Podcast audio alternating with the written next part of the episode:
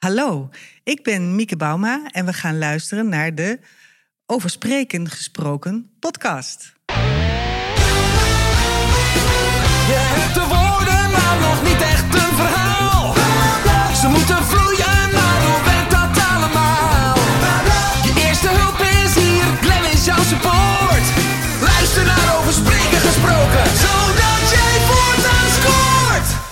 Hallo lieve luisteraar, wat fijn dat je er weer bent bij de Over Spreken Gesproken podcast. En in deze aflevering een, eh, een gesprek met Mieke Bauma. Een gesprek waar ik eh, erg naar heb uitgekeken. eh, want we gaan het hebben over de kracht van verhalen, de magie van verhalen. Mieke is docent, storycoach en auteur. Ze studeerde theater, film en tv-wetenschappen op de Universiteit in Utrecht aan de universiteit. Eh, was een hele tijd docent aan de theaterschool in Amsterdam. Eh, en richtte in 2007 de Storytelling Academy op. En daar kun je je laten opleiden tot Chief Storytelling. En ik zie, ik zie, ik zie Mieke nou bewegen. 2007, het getal klopt niet waarschijnlijk. Nee, nee, nee, het was pas in 2012. Oh, het was pas in 2012. Ja. En in En 2007 tussen- ging je voor jezelf werken. Ging ik met storytelling voor mezelf werken. Kijk, Ja. dat is het. Dankjewel voor die, eh, voor die correctie. En, eh, en ja, Mieke is auteur van, van een tal van boeken. Ik ga er een paar noemen. Eh, eh, Storytelling in 12 stappen. Misschien wel het meest bekende boek. Geïnspireerd ook aan de methodiek van Joseph Campbell. De 12 oerkarakters in storytelling. Schrijf je levensverhaal. En waar we het vandaag vooral over gaan hebben. Het verhaal van je leven. Overigens, als je dit luistert, vers van de pers, het nieuwe boek van Mieke Leren dansen met de draak, ook uitgebracht. Nog niet? Nog niet, maar als mensen dit horen Ja. wel, Oké, over een paar maanden. oké. Eh, en eh, nou ja, dus je hoort het al. Eh, jeetje, we gaan het dus hebben over storytelling, maar niet alleen dat. We gaan het ook hebben over nou, de psyche van verhalen. Waarom is verhalen zo belangrijk in ons leven? Hoe kunnen we dat gebruiken? En nou, als we het hebben over dat welbekende boek van Joseph Campbell, De held met duizend gezichten. Ja, waarom is dat een, een, een baanbrekend boek eh, eh, als, het, als we het hebben over storytelling? Dit en nog veel meer. Luisteraar, ik wens je heel veel luisterplezier toe. Mieke, welkom in de podcast.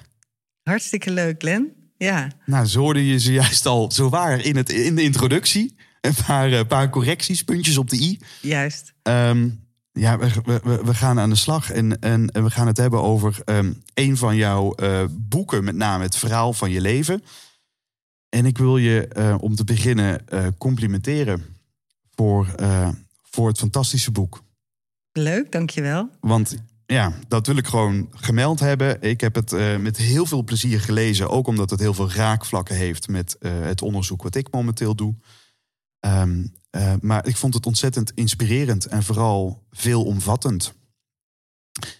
En dan rijst bij mij de vraag: wat heeft je behelst om, om, om een boek te schrijven? Niet wat niet alleen over verhalen gaat, maar misschien ook veel meer over het leven aan zich. Ja, nou het grappige is, dit boek, het, het concept voor dit boek, dat, was, dat, dat heb ik al heel lang liggen.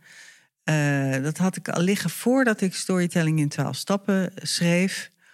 Eh, had ik het vermoeden dat het leuk zou zijn om eens een, een concept te ontwikkelen, of een training, of een boek te, schrijven, of in ieder geval eh, over, over het idee dat wij eigenlijk de scenario-schrijvers zijn van ons eigen leven. Ja. Ehm, en ehm, dat we op het moment dat het leven ons iets voorschotelt waarvan we denken: hm, wat moeten we hier nou weer mee?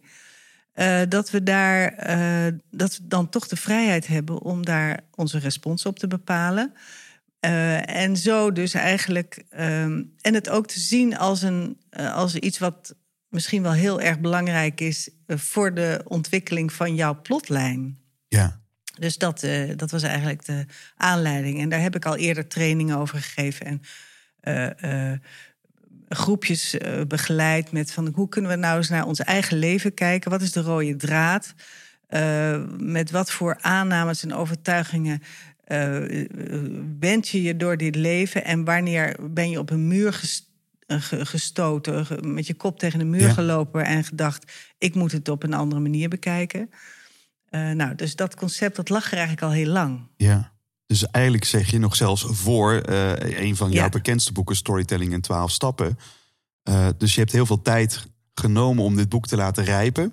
Ja, Eh, Ja. eh, tot, eh, met de kennis die je ook s- gaandeweg zelf hebt Ja. opgedaan. zeker. Ja. Ehm, en, en daarin begin je al vrij vroeg in het boek over eh, eh, de, het principe homo fabulans. Ja.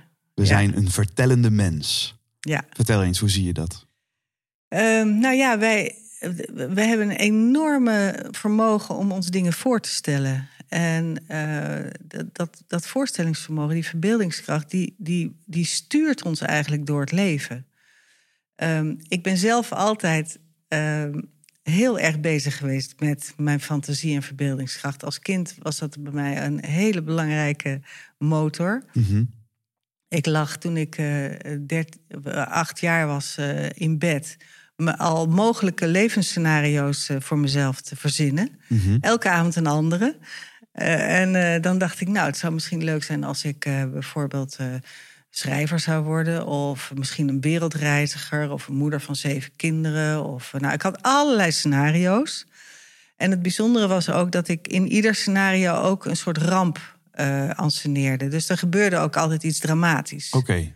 Eh, ik weet ook niet waarom ik dat deed. Jij maar... zou kunnen denken als kind nog Ja. de vermoede onschuld. Nou, dat Alles. was, nee, maar het was Nee. altijd wel. Er kwam een ongeluk in voor, of dood. Of, of, en het meest idioot was, en dat heb ik me een- pas na afloop gerealiseerd. Hè, het leven wordt voorwaarts geleefd en achterwaarts begrepen. Kierkegaard. Ja, eh, dat ik de, dat, die scenariootjes waar, waar ik dol op was om die te gaan liggen verzinnen, als ik nog niet moe genoeg was, dat ik die schreef eh, vanuit het perspectief van, eh, van het hiernamaals, zal ik maar zeggen. Ja. Dus ik keek terug op levens. Nou ja, dat was natuurlijk een- achteraf gezien een bizarre activiteit die ik daar in mijn bedje lag. Want hoe oud was je toen? Ja, acht of zo. Acht. Ja. Ja. dat is, wel vrij, vrij onnatuurlijk inderdaad. Dat een kind al zo... Maar, maar natuurlijk het fantasievermogen. En Ja. anderzijds is het natuurlijk een reuze Ja. eh, van Dus een dat, kind. fantasie, dat fantaseren en verbeelden, dat is voor mij ja, de rode draad in mijn leven, evenals verhalen.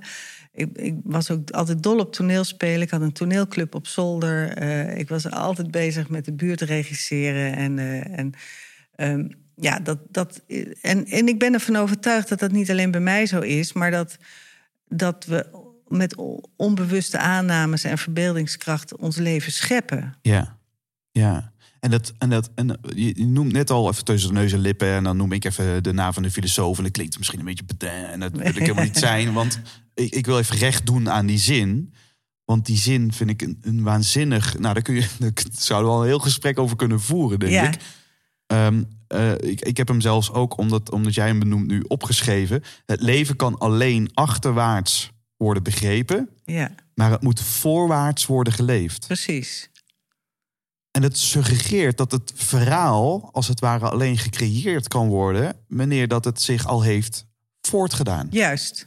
Ja, dat is ook zo. Want je, op het moment dat je, dat je aan iets nieuws begint, of, je, of er komen lastige dingen op je pad, dan heb je soms nog helemaal geen verhaal ervan gemaakt. Of je denkt, wat is dit? Hoe moet ik dit in mijn verhaal eh, een plek geven? Eh, Ja. waarom gebeurt mij dit? Eh, en als je in de rol van de slachtoffer zit eh, en er gebeurt iets vervelends, dan zeg je: zie je wel, heb ik weer. Ja. Ehm, en maar pas als je er voldoende afstand van hebt kunnen nemen, als je terug kunt kijken, dan denk je: hé, hey, het is eigenlijk wonderlijk. Want omdat ik toen, eh, nou ja, zeg het ontslagen ben, of dat mijn relatie uitging, of dat ik toen verhuisd ben, gebeurde er precies dat. Waardoor ik nu ben waar ik ben. Ja. En eigenlijk ben ik heel dankbaar voor die wendingen in mijn levensverhaal. Maar Ja. dat kun je pas zien als je terugblikt. ja. Dus wij geven betekenis aan de zaken die toen op dat moment ogenschijnlijk volstrekt onlogisch of Precies. eh, nou, random waren. Ja, ik denk, En wat dan- heb ik nu weer? Ja, en als ik kijk inderdaad naar de plek waar ik nu sta en het werk wat ik nu doe, en het is allemaal zo'n samenloop van omstandigheden. Precies. Maar ik, wat ik merk als we het hebben over verhalen, dan interpreteren mensen dat vaak andersom. Dus Juist. ik wil bepaalde dingen, dus ik heb een soort projectie van de toekomst. Nou, daar bedenk ik een verhaaltje over. Eh, nou, dan gaan we dan, dan En dan gaan we dat najagen. Ja, dan gaan we dat maar doen dan. Ja, ja. En dan worden we heel gefrustreerd als dat dan niet lukt. Dat is nou precies de crux. Ja. Dat najagen van eh, die schat eh, ergens ver weg of het beloofde land Ja. voor ogen. Eh, ja, en dan wordt het een lijdensweg. Dan, wordt, dan moet je soms 40 jaar door de woestijn akkeren om, eh, om daar te komen. Ehm, en eh, nou ja, dus dat, dat, dat klopt precies. Dat najagen, dat zorgt er vaak voor dat je verder van je, van je bestemming afkomt... dan dat je er dichterbij komt, gek genoeg. Maar dit, ja, dat, dat suggereert wel iets over, over, over hele corporates die natuurlijk lange tijd bezig zijn met het creëren van een visie, Ja, creëren van een missie. ja. Ehm, en als we het dan mm, wat kleiner maken, we hebben het gewoon over ons en het. eh, eh, Ja, maar het geldt ook voor bedrijven natuurlijk. Ja. Hè? Want er is ook een bestaansreden voor een bedrijf. Ja. En, eh, en vaak, en je ziet heel vaak dat bedrijven, of, of, of- ja, of weet ik het, een mens is een bedrijf, is een wereld in het klein en een bedrijf is een mens in het groot en de wereld is een mens in het groot. Dus er gaan dezelfde wetmatigheden gaan op, hè? Voor, ook voor een groot bedrijf, dat ze hun reden voor bestaan kwijtraken. Doordat ze inderdaad doelen gaan nastreven waarvan, waarvan je zou kunnen zeggen: is dit waarom wij op aarde zijn? mm. Waanzinnig interessant. Joh, Mieke, er zijn al nu poppen honderd vragen op in mijn hoofd. Dus, dus, dus hou me tegen. Ik ga ze één voor één proberen te stellen. Ehm, want ehm, jij, jij bent groot fan van, eh, eh, van, van, van Joseph Campbell. Mag ik dat zo, zo Ja stellen? hoor, ja. Eh, wat was jouw eerste aanraking met, eh, met zijn werk? Wa- en waardoor je uiteindelijk denkt, nou, dit wordt gewoon een van de Nou, dat weet ik nog precies. Ja? Ja, weet ik nog precies. Ik had er wel eens over gehoord al in, toen ik op de theaterschool werkte als docent. Ehm, en toen eh, weet ik nog dat het was op een Sinterklaasavond. Wij vierden Sinterklaas bij mijn ouders thuis. Mhm. En eh, mijn vader kreeg dat boek. Hij ligt hier eh, voor ons. De held met de duizend gezichten van Joseph Campbell. Van, waarschijnlijk van mijn moeder. Maar ja, dat is natuurlijk met Sinterklaas altijd een beetje mysterieus. Precies. was gewoon Sinterklaas hoor, eh, die Ja. luisterkindjes. Dus ja. eh, dat, dat geeft gelijk ook aan eh, de grote interesse van mijn moeder. voor dit hele onderwerp. Dat is ook altijd heel Ja. leuk. Ik, ik heb heel veel altijd ook ja, met haar daarover kunnen praten. Want zij, heeft daar, zij is ook uitermate geïnteresseerd in verhalen, mythes. ja, ik heb Eh, altijd heel veel met haar over verhalen. En, met, en me gelaafd aan de verhalen die zij vroeger voorlas. was een goede verhalenverteller. Nou, voorlezen Ja, vooral. hè? Ja, Oh ja, heerlijk. Ja. Ja. Maar goed, zij gaf dat waarschijnlijk aan mijn vader.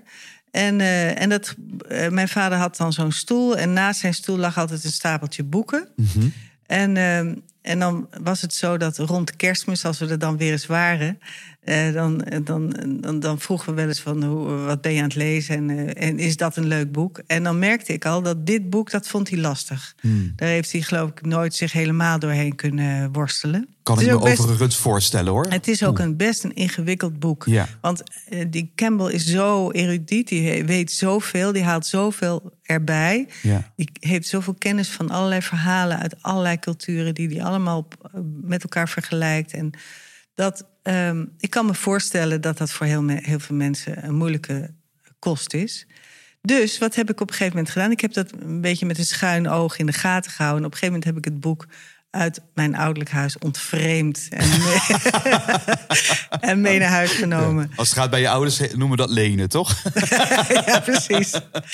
En dat, datzelfde boek heb ik nog steeds en dat gebruik ik nog steeds. En het is helemaal vol met markers, stiften aan, eh, gekalkt en aantekeningen in en foutjes en, en nou ja, noem maar eens maar op. Dus ik lees het veel. Ik heb het veel gelezen, natuurlijk ook voor de research voor dit boek, voor storytelling in 12 stappen. Ja. Maar ook eh, gewoon omdat ik dan, dan denk van... oh, wat zei die Campbell nou er ook weer over drempelsituaties? Nou, en dan eh, lees ik het weer even terug denk ik... oh ja, wat fantastisch eigenlijk. Dus ik- soms lees ik het weer en denk ik... hé, hey, ik heb het nog nooit zo gelezen eigenlijk. Dus het is een rijk boek, maar ik kan me voorstellen... lastig voor mensen die eh, nou, niet helemaal thuis zijn in die materie. Ja. Maar wat het bijzondere is, is dat hij eigenlijk ehm, ja, op een heel essentieel niveau. het- ja, het- hij maakt het misschien wel tot een complex model. Maar in feite gaat het erover dat hij zegt: alles is gericht op het eh, eh, verbreden van je bewustzijn, het vergroten van je bewustzijn. En soms moet er een, is er een, een kink in de kabel nodig om weer open te breken, om weer iets verder open te breken. Mhm. En juist in de meest lastige situaties kun je, zou, zou ik maar zeggen, herijken en het contact met je ziel herstellen, waardoor je je bewustzijn verbreedt. Ja. Dat is een beetje het, eh, denk ik, in de kern waar het om gaat. Dus als je het helemaal afpelt, dan gaat het nog niet eens zozeer over storytelling per se, maar dan gaat het over. Nou, het- hij gebruikt gigantisch veel verhalen natuurlijk om uit te leggen hoe het leven werkt. Precies. Want Ja. eh, zijn, zijn fascinatie kwam voort uit, uit dat hij van, van, van tot duizenden jaren terug is gaan onderzoeken. wat zijn nou de verhalen die we elkaar hebben verteld? Wat zijn nou de mythes van weleer? Tot aan grottekeningen aan toe. Yes. eh, tot aan de oude steken. Hij heeft echt, hij is, hij is full out gegaan om te kijken. Zelfs toen we nog niet verbaal vertelden, maar door middel van muurschilderingen en eh, ar- arch- archieven eh, in Egypte. Nou, we, we snappen wat we bedoelen. En hij ontdekte patronen. Ja, En, en dat patroon werd uiteindelijk een van de modellen die, we, die misschien helemaal niet ingewikkeld is. Dan maakt hij heel veel ingewikkelde materie Ja. best wel tastbaar. ja. Ehm, maar ik ben benieuwd, hè, want jij, ja, dat eh, mooi ook. Ik, ik, zie, ik zie je meteen thuis bij je ouders en dan dat boek ook eh, eh, krijgen. Eerst je vader, daarna jij. Wat, wat triggerde jou? Jij nam dat boek op een gegeven moment mee, ging het lezen. Ehm, wat, wat, wat triggerde jou persoonlijk toen je dat las? Wat gebeurde er toen? Ehm, nou, ik weet nog wel, toen ik het opensloeg en het een beetje ging lezen, dat ik dacht, ik heb een schat gevonden.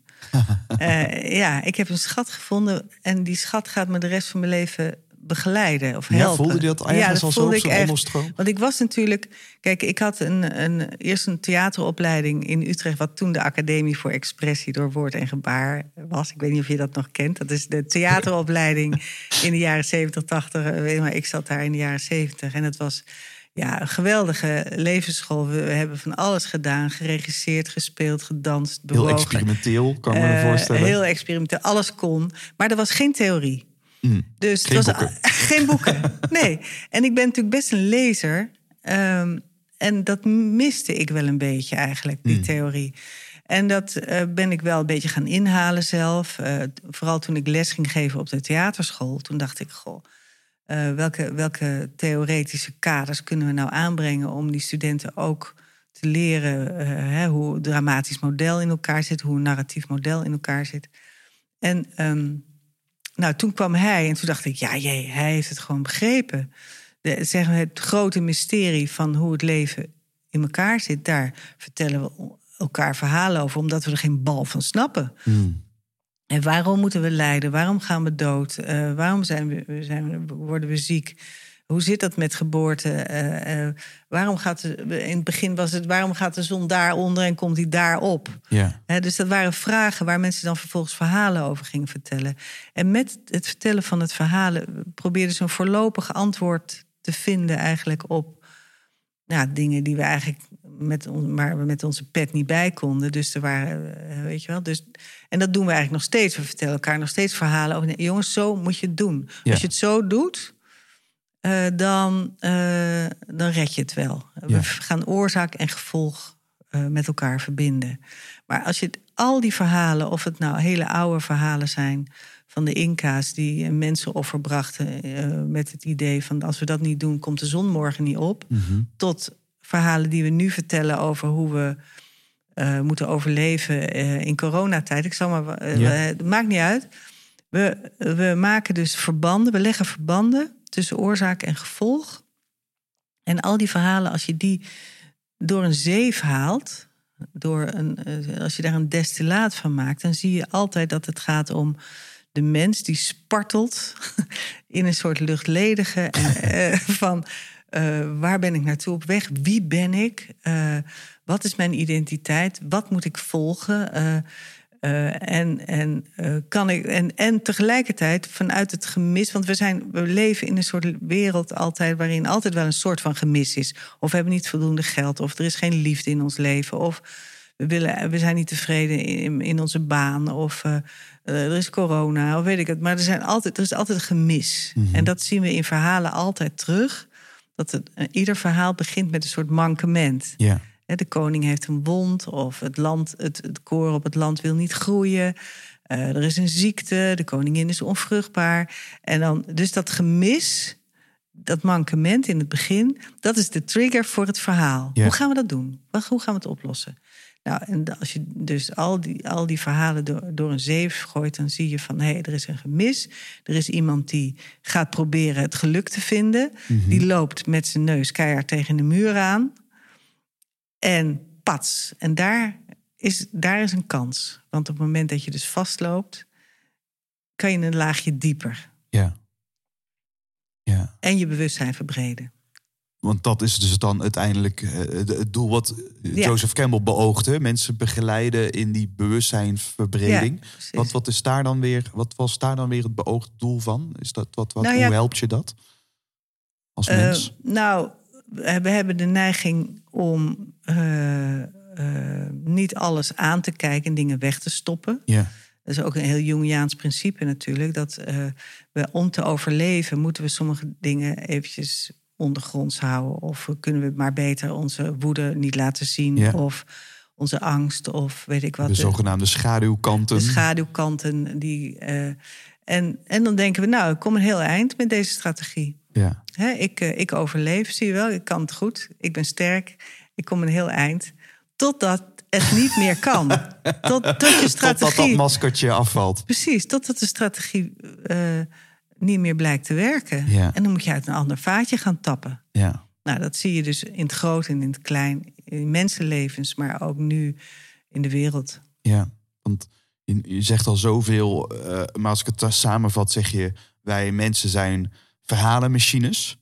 Eh, nou, dat is oh, ja, als je ook, eh, of je nou gelooft in ehm, ehm, een, een scheppingsverhaal of, of gelooft in, eh, in, in, in Darwins theorie. Uiteindelijk hebben we allemaal een bewustzijn, daar is iedereen het toch wel over eens.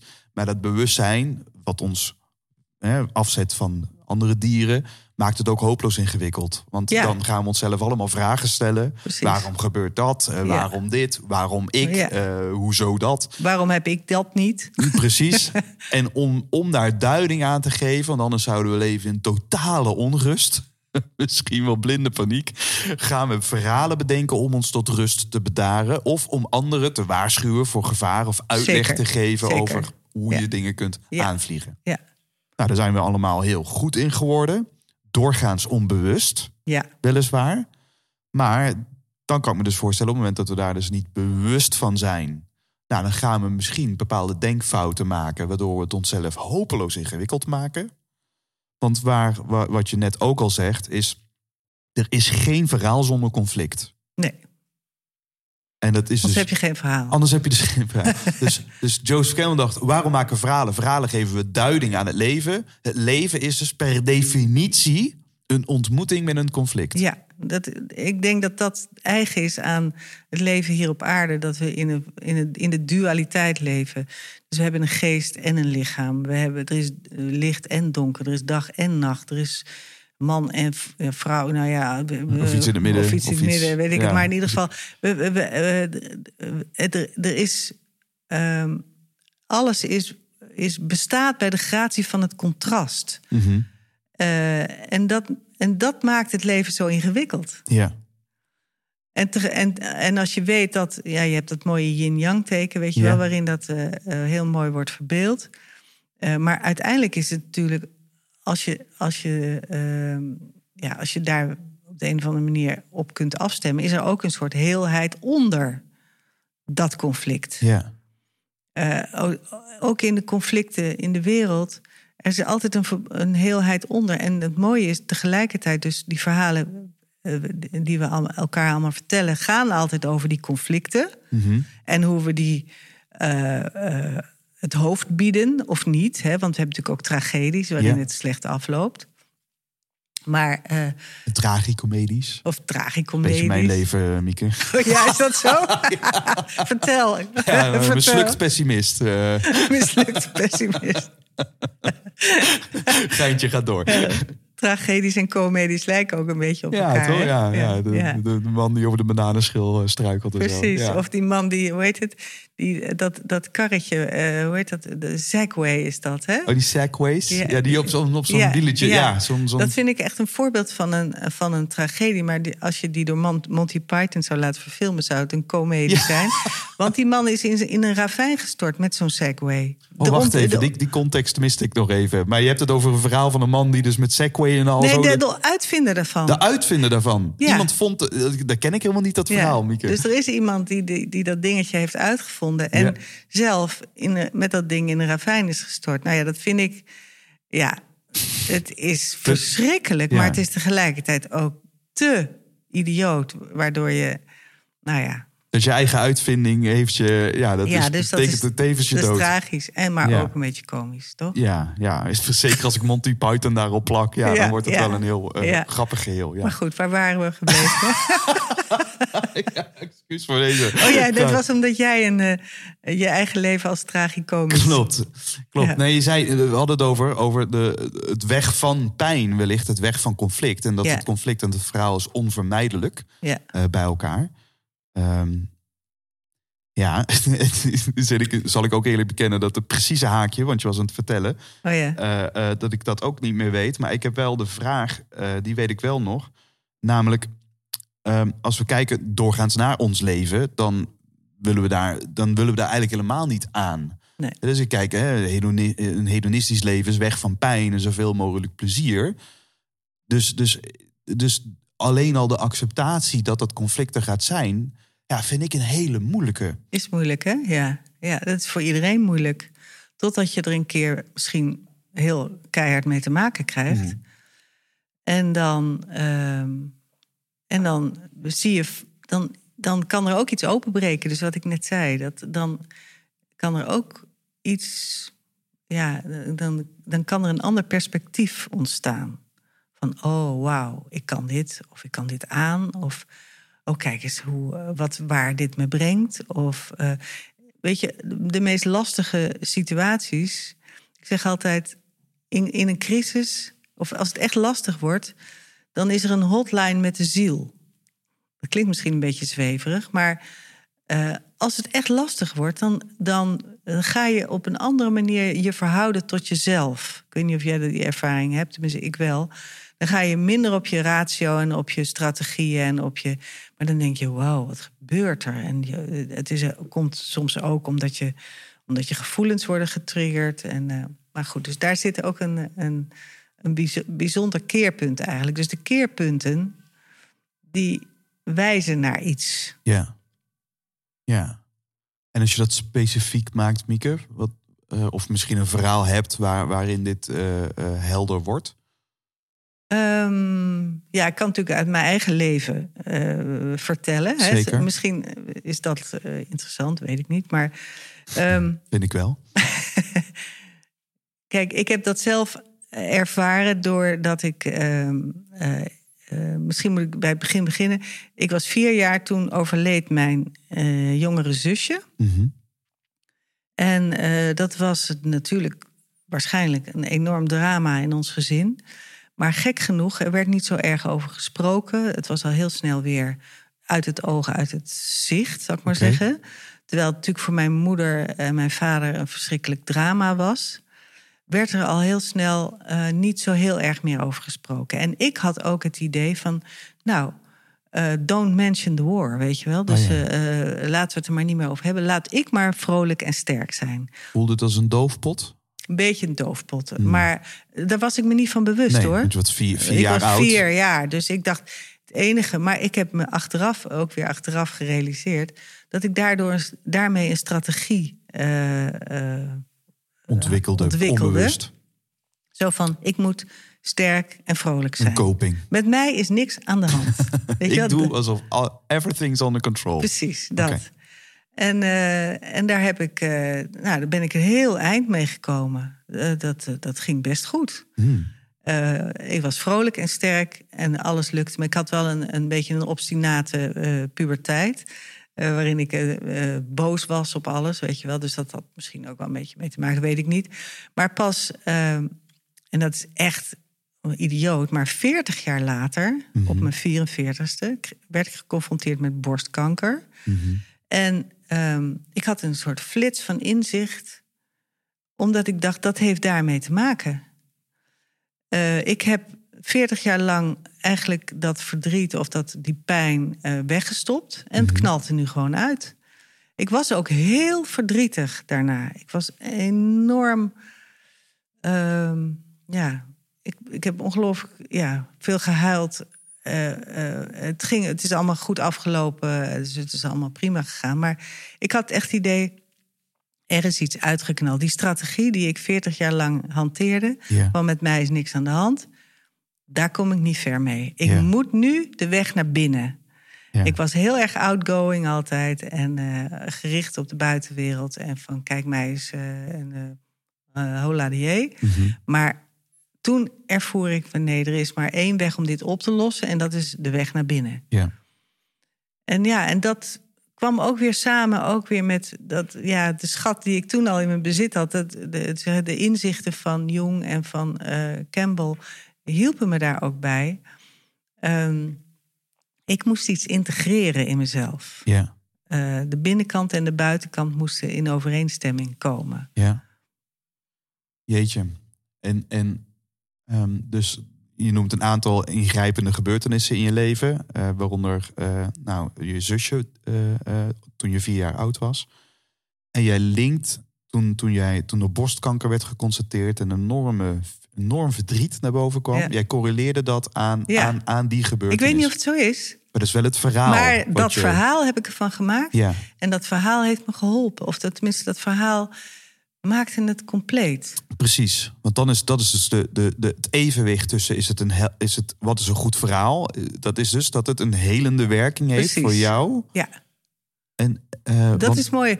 Want inderdaad, op het moment, zodra je er, dat zeg ik ook wel eens tegen mijn studenten, zodra je van lastige gebeurtenissen of dingen in je leven waar je nog geen pindakaas van kan maken, zolang je daar niet een verhaal over kunt vertellen, blijven het losse eindjes en blijft het verwarrend en Ja. blijft het soms besteken of pijn doen.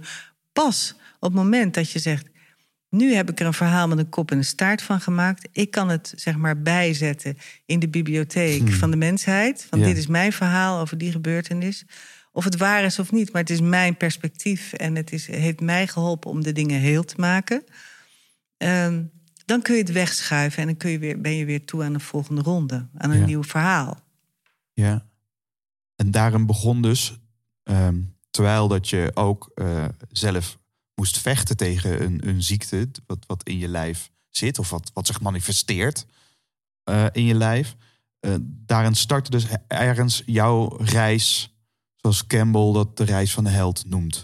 Ja, nou ja, die was natuurlijk al eerder begonnen. Maar het was meer zo van... Of was dat de rock bottom ja, dat was een beetje dat rock bottom moment. Ja, Je denkt van, wauw, wat, wat is dit? Waar moet ik, hoe moet ik dit eh, duiden? Hoe ga ik hiermee om? ja, Eh, wat moet ik aanboren om heel te worden? Want dat is natuurlijk wel, eh, als je ziek wordt, hè, is dat de vraag: hoe word ik heel? Ja. Hoe genees ik mezelf? En dat, ja, dat was een soort intuïtief iets dat ik dacht van, het, het, het, zit, het is, heeft te maken met iets wat ik intern moet oplossen. Het is niet puur fysiek dit. nee. Maar goed, eh, of het zo was, dat weet ik niet. Maar het dat heeft doet mij er dan ook geholpen. niet toe. Het doet er niet toe, nee. Nee. Mooi. Het, en ik, ik hoor hier ook het verschil, wat, je ook, wat ik je ook in interviews heb horen zeggen, en volgens mij ook beschreven in je boek. Zo'n eh, zo'n ziekte overkomt je. Heb je niet per se voor gekozen. Nee. Hè? Dus, dat, dus dat ontstaat. Ehm, maar er is, is- dus, je zou dus kunnen zeggen, ik ben op dit moment even slachtoffer van, van, van wat er gebeurt. Maar er, jij maakt een heel duidelijk onderscheid tussen het slachtoffer zijn of, of, het, of het hebben van een slachtofferrol. Het innemen Precies. van de slachtofferrol. Ja. Hoe, hoe verhouden die twee dingen zich tot elkaar? Nou, ehm, ja, je kunt, eh, je kunt als dit soort dingen gebeuren, eh, inderdaad in die slachtofferrol terechtkomen en zeggen van, zie wel, heb ik weer? Of, oh, hoe kom ik hier uit? Of dit heb ik altijd, of dit is hopeloos, of weet je wel dat. Ehm, je kunt ook zeggen, wat nu? Dat, dat, dat heb ik geleerd, dat onderscheid ook van Edith Eva Eger. Ja.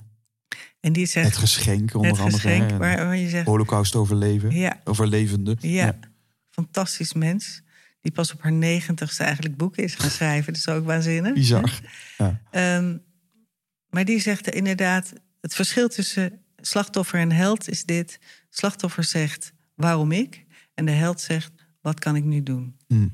En dat, dat, en dat vind ik een mooi onderscheid, omdat het, je, het tweede, wat kan ik nu doen, wat nu, zet je in beweging. Ja. En als je ervan uitgaat dat het leven je, ja, je zegt net, een ziekte overkomt je, hè, laten we daarvan uitgaan, maar misschien op een ander niveau zou je kunnen zeggen, misschien heb je het wel ergens in je script geschreven om van Ja. te leren. Ja. Is dit een noodzakelijk gevolg van een bepaalde strategie? Ik doe mijn ziekte. Ja, of zoiets, weet ik het. Ja. Ja. Maar ik vind het ook lastig om- dit zo uit te spreken. Want ik weet heel veel, hebben, heel veel mensen eh, die. eh, die zal ik daar niet eh, van kunnen overtuigen. En dat wil ik ook niet. Nou ja, er zijn ook natuurlijk ook heel veel mensen die, eh, die, die, die eh, absoluut heel veel wilskracht hadden en levensenergie. En toch zijn Ja. overleden veel te vroeg Precies. aan, aan deze ziekte. Ja, Maar dan nogmaals, weet je, dan gaan we gaan weer terug naar die quote. Het leven kan alleen achterwaarts begrepen worden, maar het moet voorwaarts worden geleefd. Dus ja, er was een kans geweest dat je ook niet meer, er niet meer was geweest. ja, Maar je zit tegenover mij, gezond en wel. zond er wel. Dat is een, een gift, een, Zeker. een, een wonder. eh, als in gewoon fantastisch, eh, dankbaar, Ja, kan ik me voorstellen. En dan, maar dan, ehm, je maakt de schakel. Hè, waarom gebeurt dit? Naar, oké, eh, waarom ik? Naar wat nu? Maar ik kan me voorstellen dat die noodzakelijke transitie altijd nodig is... wanneer dat ellende je overkomt, tussen Mhm. aanhalingstekens. Daar waar de wat nu vraag kun je volgens mij alleen maar stellen... wanneer dat je volledig accepteert wat er op dit moment gebeurt. ja, En, en, en daarin, daar zit natuurlijk Ja. de crux. Dat op het Ja. moment dat iets je overkomt en dat wil je niet, dan zit het Ja. natuurlijk totaal. Ik zet me af of ik, even, ik, gooi me, ik, ik stop mijn kop in het zand. Ik ga het gewoon. Nou ja, dat is wel mooi wat je zegt, want dat is precies ook wat er nu aan de hand is. Eh, dat is wat een, een crisis is eigenlijk. Hè? Er gebeurt iets, eh, dat zet het oude leven stop. Mhm. Het nieuwe leven is nog niet begonnen. Dus je zit in een tussenland. Ja, In een, in een vaag, eh, on, onbekend gebied. Zeg maar de woestijn ja, of het, eh, Het moeras. Het moeras. Je weet niet hoe je eruit komt. ja. En dat verblijf in niemandsland eh is eigenlijk eh, ook wel een hele boeiende. eh, want we hebben dat nu net met corona meegemaakt. Mhm. Hè, We zijn in een soort niemandsland terechtgekomen. Het oude leven was voorbij. We hadden wel ideeën van, nou, het zou mooi zijn als we, als we, als we weer zouden kunnen starten. Maar dan gaan we het allemaal anders doen. Nou, ik, ik hou me hard vast trouwens, maar goed. Ehm, maar in dat tussenland zie je dus dat gespartel weer. Mensen die boos worden, die verontwaardigd worden, eh, complottheorieën, eh kont tegen de krip, eh, overal tegen zijn. Of, maar die onzekerheid maakt dus, die vraagt iets van je. Mhm. Onzekerheid vraagt van je dat je in staat bent te verblijven in niet weten. In een soort, ehm, ja, het is een impasse. Het is, en het is meebewegen, net als riet. De- Meer kun je niet doen. Je kunt niet actie. Dus wat ik net zei, hè, eh, eh, waarom ik en wat, wat nu. Dat wat nu, dat kan niet, wordt niet gelijk geboren. Nee. Dat moet ontstaan. Exact. Ja. Dat moet ergens oppoppen. Dat je denkt, ah, dit is de actie die ik moet ondernemen. ja. Dit moet ik doen. Een soort opflakkerend bewustzijn. Nu weet ik wat ik moet doen. ja. En in jouw geval ontstond dat na een, een, een bak aan verdriet. Ja, Kan ik me voorstellen. Want ik kan, op het moment dat jij die diagnose kreeg. En je, en, je, en je zit in dat verdriet. Je zit in die totale disruptie. En iemand zegt, hou je komt wel goed. nee, dan word je Dus- gek. Dan word je, dus, Ja, dan kan wil je niet horen, toch? Nee, dan krijg je, kan je een klap voor je kop. Ja, precies. Het is verschrikkelijk. Ja. Ja, ja. En kun je ons meenemen naar. En zeker ook met. Ik ben vooral benieuwd. eh, Je, je, je, je zat al midden in deze materie. ja. Eh, wat was jouw klik dat jij ineens dacht van.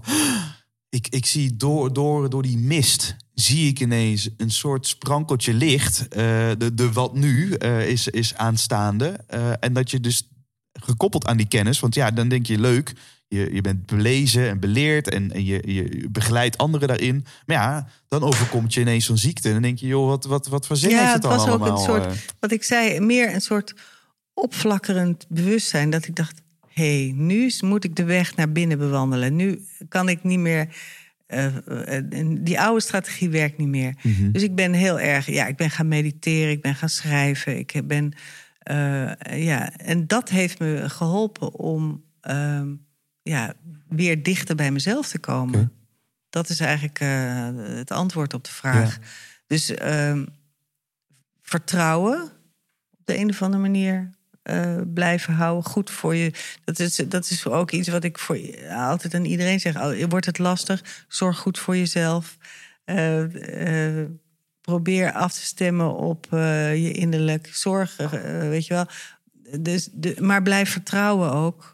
Probeer ergens dat vertrouwen vast te houden. Ja. En beweeg mee met wat er gebeurt. Ja. Dus je hebt vert- vertraging opgezocht, meditatie, schrijven. Ja. Zijn er nog andere dingen die je, die je toen hebt gedaan om die reis naar binnen eh, te creëren? Nou ja, goed voor mezelf zorgen, eten. eh, eh, ja. Focus dus op de, Ja. op de zaken waar je wel invloed op hebt. Precies. Juist, ja. En daar dan maar aan vasthouden. Ja, ja, Dus wat mijn lot is, geen idee. Maar, maar, Ja. maar ik ga in ieder geval wat, in, Ja. wat doen wat ik kan doen. precies. Om de kans op genezing, heel zijn, hoor je Ja. te vergroten. Ja. En, en ehm, hoe, hé? Ja, hoe, is dat, hoe is dat gegaan? Dus even fast forward, zeg maar. Toch ook uit nieuwsgierigheid. Ehm, eh, ben je lang ziek geweest? Nee Of, hoor, eh, het, het, het was eigenlijk ook een redelijk snel, eh, hoe heet het, ja, ik- een, een- zware operatie gehad. Ik moest natuurlijk herstellen van die operatie. Ehm, eh, ik heb gelukkig geen chemotherapie hoeven ondergaan, dus dat Mhm. was geluk bij een ongeluk.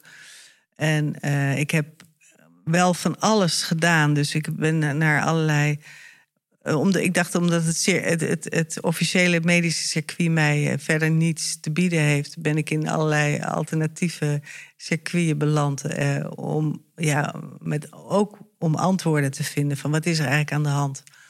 Dus dat is ook weer die duidingsbehoefte. Ja, ja. dus dat, is, dat heeft wel ja, mijn enorme drang om duiding en zingeving en betekenis te vinden. Dat is voor mij leidend, denk ik, in Ja. alles. Dus betekenis vinden, en dat is ook wat ik weer aan mijn studenten steeds uitleg. Dat is de kracht van verhalen. Eh, Ze kunnen het wonder van de betekenis eh, openmaken. Ja. Dus een cadeau krijg je daarmee. Dat je denkt, wauw, zo zit het. Dus de hefboom van inzicht ineens. Ah, zo zit het. Oh man, nou dat, dat, dat kan je ineens in een andere wereld brengen. Ja. Ja, letterlijk haast. Ja. Want het, is, het, het kleurt natuurlijk alles om je heen. Ja. En dan schrijf je ergens in het einde van dat eerste deel, eh, het leven als verhaal. Daar schrijf je, eh, dan gaat het over de zin van het leven dan. Eh, en, en daar ben je ook vrij helder in. De zin van het leven is zin in het leven. Ja. Ehm, hoe, hoe, hoe kun je dat verder duiden? Ja, ik vind het wel mooi als je zegt, wat is de zin van het leven? Ja, het is trouwens niet van mij hoor. Eh, Volgens mij is die uitspraak... eh, de zin van het leven is zin in het leven... is volgens mij van Jules Deelder. Maar ik weet niet zeker of dat nou inderdaad zo is. Moet ik even opzoeken. Maar eh, het mooie is dat van dat woordje zin... Hè, want het gaat om zingeving. Eh, je moet het zin geven aan je leven... Uh, dat betekent dat je er zin in moet hebben om dat te gaan uitzoeken. En het helpt om zinnen te maken. Hmm. Dus zinnen op te schrijven. Mhm. En dat kan al heel. Dat zijn kleine dingetjes. Dat, door bijvoorbeeld je levensanekdotiek te onderzoeken en te zeggen. Welke verhalen uit mijn leven zijn nou bepalend geweest? Wat zijn bepalende keerpunten geweest? Wat zijn en dat kunnen uh, uh, leuke keerpunten of minder leuke keerpunten. Maar welke, maak maar eens een, een, een lijstje met zes wezenlijke keerpunten uit je leven.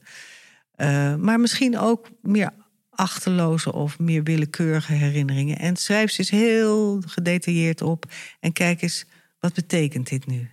Wat, wat, wat leer ik eruit? Wat, wat, waar gaat dit verhaal eigenlijk over? Ja. Wat, wat heb ik toen laten zien? Of met welke kwaliteiten heb ik dat toen gedaan? Of waarom gebeurde dat? Dus die zingeving kun je al gaan proberen toe te passen op hele kleine herinneringen van vroeger.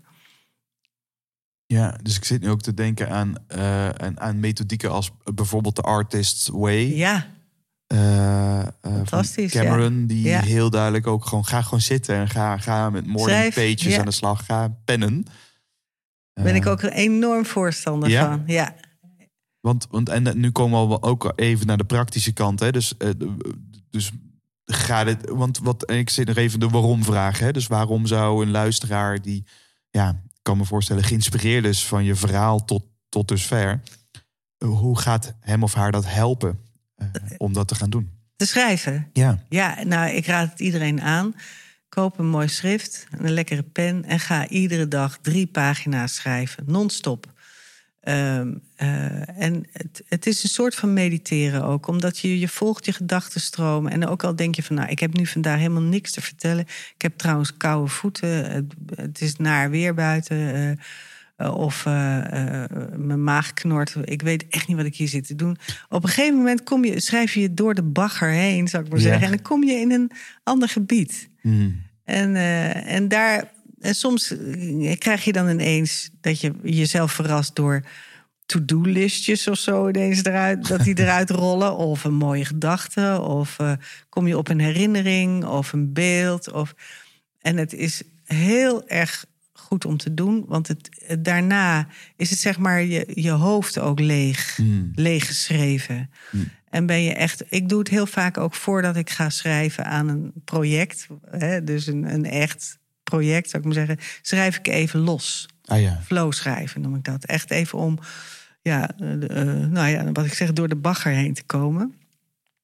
En eh, ik heb het eigenlijk vanaf die periode waar we het net over hadden, heb ik dat gedaan. Ik heb stapels schriften en boekjes, echt. Ook op zolder. En, en ik dacht laatst, ik, ik moet ze weggooien, want ik weet niet wat ik ermee moet doen. Voelde nog een beetje als belast of zo? Of, eh, Nou, nee, maar ja, wat, moet, wat, wat moeten we ermee? ga je er nog eens een keer doorheen Ga ik er nog een keer doorheen. er- Soms doe ik dat en denk ja, oh ja, toen, weet je, oh ja, toen. En nou ja. ja. Maar, ehm, nou, het is, eh, maar het is wel een hele mooie methodiek. Om dus die reis naar binnen te maken. Om de reis naar binnen te maken, om zin te gaan geven aan kleine gebeurtenissen, aan grotere gebeurtenissen. Om te kijken, ja, wat, waar verlang ik eigenlijk naar? eh, waar, ja, wat. ja, Wat is jouw zin dan? Ja, Hè, wat dus is ik mijn vind het zin? mooi, die dubbele betekenis zin van het leven is zin in het leven. Enerzijds heeft dat dus te maken met eh, een een motivatie, met een bepaalde wilskracht om de dingen te omarmen, wat er ook gebeurt. Precies. Eh, en anderzijds, nou, ga, ga er letterlijke zinnen aan geven. Want door woorden te koppelen aan Ja. de totale subjectiviteit en misschien wel de zinloosheid, Ja, ontstaat er zin. ja, precies. Dus op het moment dat je het niet doet, blijft het ook zinloos. Ja. En een waardevol leven of een waardeloos leven, Ja. het verschil daartussen is nou, dat ik uiteindelijk die waarde dus Precies. geformuleerd heb. Wat is dan voor mij belangrijk? Ja. Nou, dan vaak. En dan komen we toch ook terug op eh, koffie met het begin, met het eind in gedachten en Ja. mission statements. En Ja. nou ja, ik doe een, een snelschrijfoefening in de trainingen die ik geef. Die duren maar vijf minuten.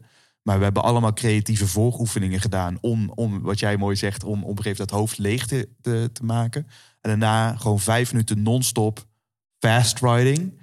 En het is, mensen hebben het vaak nog nooit gedaan. Het is wonderbaarlijk wat dan Ja. in vijf minuten tijd omhoog borrelt. Ja, het is fantastisch. Ja. En eh, nou, tot, tot grote, grote keuzes die daarna worden gemaakt. En ik zeg dan altijd, joh, je bent al zwanger van het goede idee.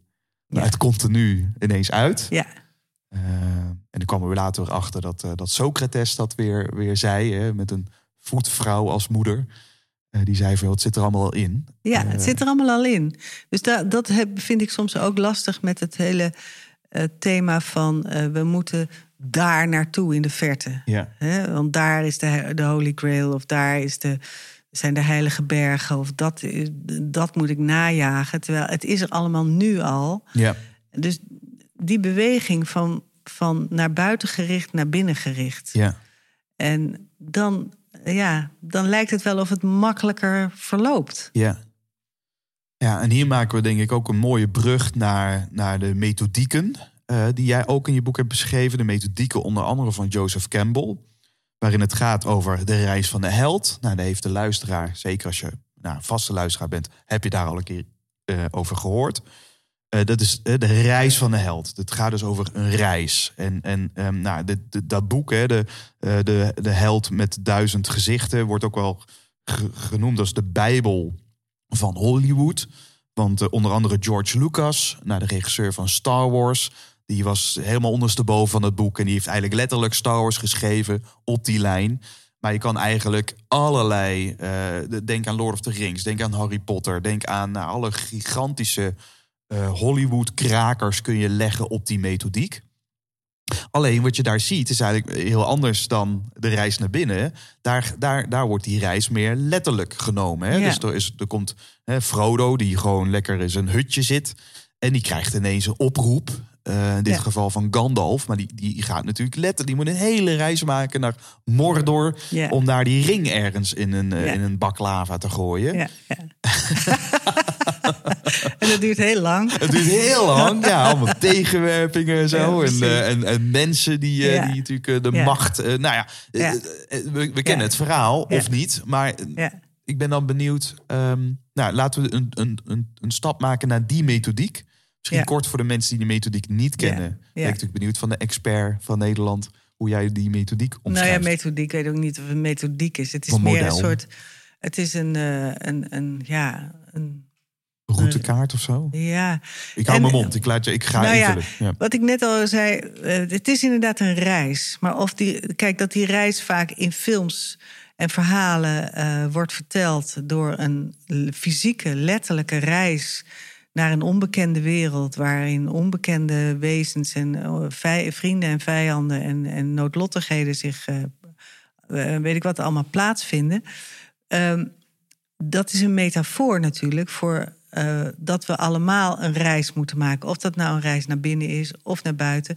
Voor sommige mensen is het belangrijk dat ze een reis naar buiten maken. Mhm. Voor andere mensen, zoals in mijn geval op een gegeven moment, op mijn 44ste, w- wist ik, ik moet nu een reis naar binnen gaan maken, want ik ben te veel op de buitenwereld gericht geweest.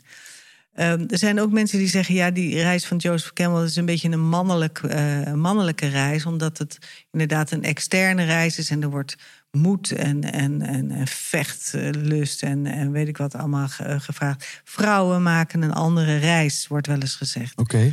Ehm, en eh, het, het, het mooi voorbeeld is bijvoorbeeld als je de Odyssee leest eh, van Homerus, waarin Odysseus ehm, de weg naar huis maakt, hè? Ithaca.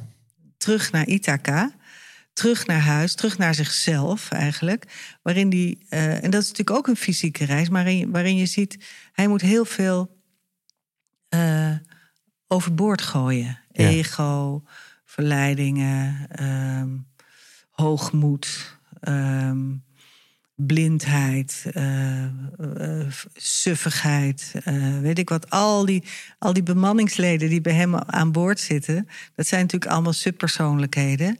Die, die, waar die eigenlijk van af moet om echt bij zichzelf te komen. Dus dat is ook al een mooi voorbeeld van, van wel een fysieke reis, maar die wel dichter, die wel uitkomt bij, bij thuiskomen. Ja. In de tussentijd zit zijn vrouw, Penelope. Die wacht gedwee. Die is aan het wachten. Dat is de eerste, de eerste suggestie. Hè? Dus hij wil terug naar Ithaca. Ja. En die vrouw, omdat de vrouw ook op Ja. hem wacht. Ja. Nou, in deze tijd zou je eens kunnen zeggen... nou, nou, Ja. ja. Die Ja, vrouw is dat- totale, totale bijrol, zeg maar. Maar een soort Nou, niet- verlangen. Maar nu... Maar, maar, maar zij heeft een hele interessante rol. Want zij, vertel. zij blijft al die tien jaren vertrouwen, geloven, doorweven, wachten. Ze weet al die vrijers die, daar, die eh, het op haar... alle eh, verleidingen. Alle verleidingen weet zij op een afstand te houden. Door, ook door. En intussen blijft zij, eh, eh, blijft zij bij zichzelf. Maar die maakt dus op, op haar manier een, een, een, een reis. Mhm. Dus of je nou een fysieke reis maakt of een letterlijke reis of een reis naar binnen. Eh, het gaat erom dat er beweging komt, dat er een ontwikkeling komt waarin uiteindelijk eh, dat bewustzijn opengebroken wordt en dat er,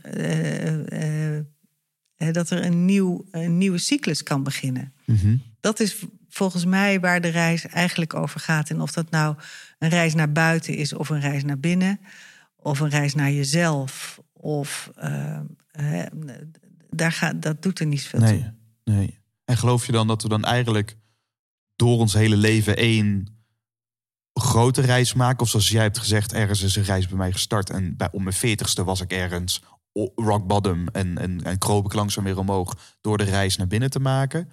Hè, want die, dit is, eh, eh, eh, Campbell maakt een model wat, wat zich vormt in een cirkel. Ja? Hè, dus je, je begint boven, waarin het een soort status quo.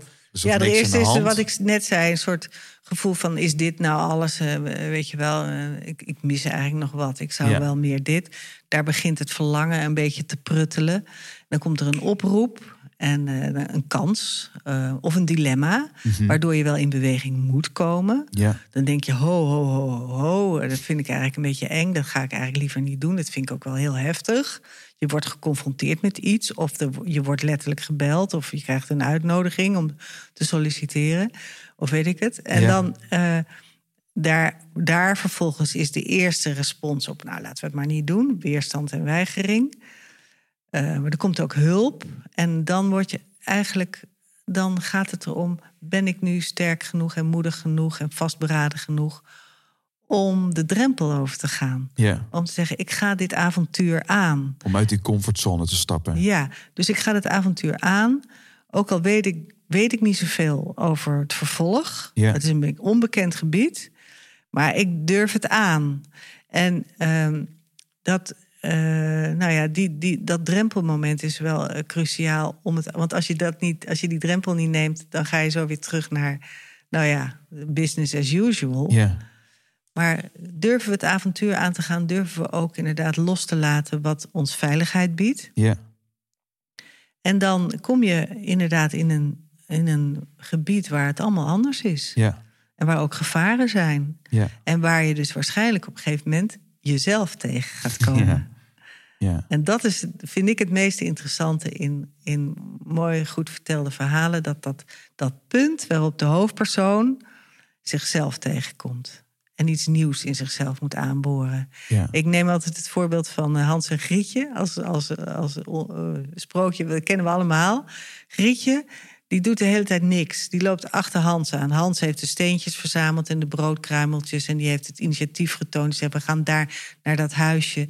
Eh, maar Hans wordt opgesloten. Dus het handelen wordt in een kooi gezet. Grietje, die heeft tot nu toe niet gehandeld.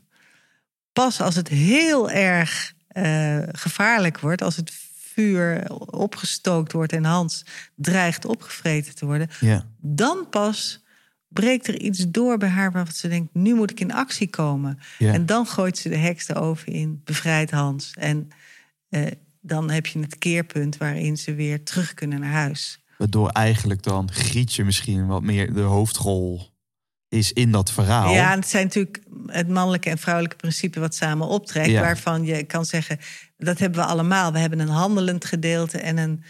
En ze hebben de Odysseus en de Penelope in ons. Hè? Ja. We wachten en weven. En we zijn.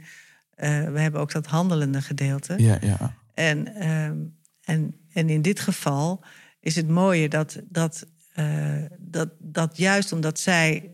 Dat ze integreert, zeg maar, het, het handelen. Ja. Ze gaat handelen. Ja. Dat is interessant. Ik ben dan benieuwd, gekoppeld aan de dingen die je nu zegt. Je noemt ook weer, hè, conflict komt weer terug. En dan ook het gevaar dient zo groot. Op een het gevaar zo groot dat je ja, dat ook de moed verzameld wordt om dat dan te doen. Ik, ik heb een aantal gewoon nieuwsgierige vragen hoe jij dan ook kijkt naar de huidige tijdsgeest en de problemen die we ook nu ervaren op collectief niveau. Een beetje gekoppeld aan, aan, aan dat principe van verhalen. Daar waar ik af en toe het idee heb dat vroeger om, om we hebben het eigenlijk zo goed voor elkaar in Nederland. Dus ons comfortniveau, die status quo, is zo hoog Zo. dat, dat er eigenlijk heel weinig, als het ware, noodzaak is om die status quo te, te, te, te, te verlaten. Om omwille er een groot gevaar is of een, lonkend perspectief. Ik, ik, merkte dat heel erg toen ik naar eh, landen ging waar, eh, zoals India, waar, waar mensen echt eh, veel minder hebben dan, dan wij. Ik heb zelf ook een, een zusje eh, die eh, overleden is. Eh, en, en als ik het in Nederland, als we het daarover hebben, nou dan, dan moet je oppassen dat het niet te beladen wordt. En dan mensen zeggen, oeh, heftig en zo. En, ehm, maar als, als, je, als ik dan naar het buitenland ging, dan, dan deden mensen er eigenlijk heel normaal over. Omdat iedereen wel een zusje had. Ja. Of een broertje die, die, die was overleden. Omdat daar dus de, het gezondheidsniveau eh zo, zoveel lager was. Of hè, het ziekenhuis was uren rijden. Dus op het moment dat er ja, iets gebeurde, ja, dan was de kans gewoon aannemelijk dat je gewoon niet op tijd eh, bij hulp was. Ehm, dus ik heb ergens het idee dat die ontmoeting met crisis, ehm, dat dat ergens uitblijft. En tegelijkertijd wat ik zo, dus we hebben het supergoed. Nou, je zou kunnen zeggen wat fantastisch. En tegelijkertijd kijken we om ons heen en dan zien we de burn-outs door het dak schieten. Precies, En ja. de mensen worden de, eh, gigantische wachtrijen bij eh, de gezondheid of de geestelijke gezondheidszorg. Dirk de Wachter, Ja, die, die ja. natuurlijk gewoon nu eh, als een soort profeet op het podium staat als psychiater. Dan denk ik, wat gebeurt hier? Nou ja, dan krijgen we dus corona. Bijvoorbeeld, hè? Ja, En dan eh, ineens worden we wel uit onze comfortzone. Want dan kunnen we niet naar Spanje op vakantie. Of we kunnen niet, eh, eh, we kunnen niet doen wat we, wat we, waarvan we denken dat we daar recht op hebben. ja. Dat vind ik ook zo. eh, heel veel mensen die zeggen, ja, we hebben toch recht op bepaalde dingen. Maar goed, dus dat was al. daarin zie je ook het, het- het onvermogen om met, met tegenspoed om te gaan. ja. Ehm, maar goed, het- ik wil het ook niet bagatelliseren. Want er zijn natuurlijk ook heel veel mensen die daar wel heel veel last van hebben ja. gehad. Maar ehm, het is wel wat je zegt. We hebben, we hebben het zo verschrikkelijk goed. Dus dan eh, zijn er andere dingen waar, we, waar het leven ons mee opzadelt. Waardoor we toch wel moeten. eh, eh, we, we moeten in beweging komen. Want het kan zo natuurlijk niet doorgaan. Nee. Dus, dat is, Want eh, ik, ik, ik hoor mezelf al nee zeggen en nu denk ik, ja, maar ho- ho- hoezo kunnen Nou we ja, er, zo is, er verscheen op social media zo'n mooi plaatje. De coronagolf. En zo'n zo'n golf in zee. En daarachter een, weet je, een klein golfje. En daarachter een reusachtige golf, namelijk klimaat. Ja, Ehm, dus we, zitten, we hebben nu het coronagolfje ja, hopelijk een beetje eh, achter de rug. Misschien laait het nog een beetje op. Maar het zou zomaar kunnen dat wa- waar we, voor, waar we mee geconfronteerd gaan worden... dat zijn de klimaatproblemen. Wat je nu al ziet ehm, in, in, eh, in Canada en, en, en eh, bosbranden. de bosbranden en in ja. Amerika. Dat is zo heftig. Ehm, en dat, ja, het kan zomaar dat dat nog dat dat heel erg toe gaat nemen. Ja. Hoe gaan we ons daartoe verhouden? Ja, Want we hebben het idee dat wij de, eigenaars zijn van de, van de aarde. Eh, dat we die kunnen exploiteren en eh, dat we daar recht op hebben.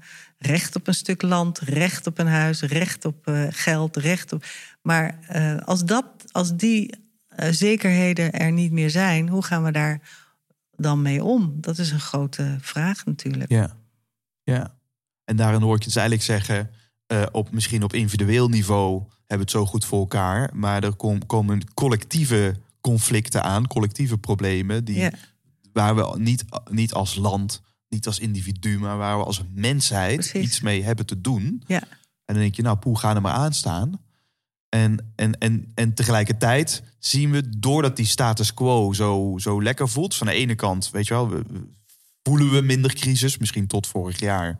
En, en gaat een beetje van een leien dakje, maar hebben we wel die existentiële vragen ineens. Daar waar we eerder Precies. geloofden nog in religie. En dat al die. Ja. Er zijn heel veel verhalen, zou je kunnen zeggen, weggevallen. En we geloven nu in de verhalen uit Silicon Valley. Van Google en Facebook en social media. Maar we voelen ook dat, dat, dat daar Zijn- weinig wholeness in zit. Precies. Weinig gelaagdheid. Ja. Eh, dat, dat, dat, daar, dat, daar een verhaal, dat we eigenlijk onderdeel worden van een andermans verhaal. Waarin Ja. geld verdienen. En waarin. Ja, dus een, het zoeken naar de, de werkelijke zin Ja, of de betekenis. En, en het gevoel hebben ehm, ja, dat er iets is van jou wat er, wat er mag zijn, eh, wat meetelt. ehm, ehm, ja, dat, ik, ik denk dat dat een, een eigen is aan, eh, aan de mens. Dat je, dat je daarnaar op zoek bent. Naar, eh, doe ik ertoe? Eh, kan ik, heb ik een bijdrage? Eh, eh, kan ik mijn unieke eh, potentieel op de een of andere manier in de wereld zetten, waardoor ik gezien word en erkend word? Ik denk dat dat iets is wat we allemaal willen. Ja. Eh, we willen allemaal. Dat, daar verlangen we denk ik allemaal naar. Dat is misschien wel wat Joseph Campbell Follow Your Bliss. En we weten precies, oh ja, follow your bliss. Oh, laten we het doen.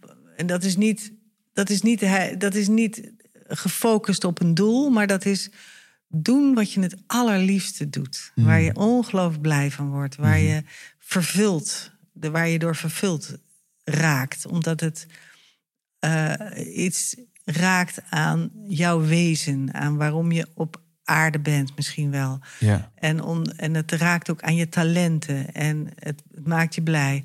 Als je, als je dat zou kunnen pakken.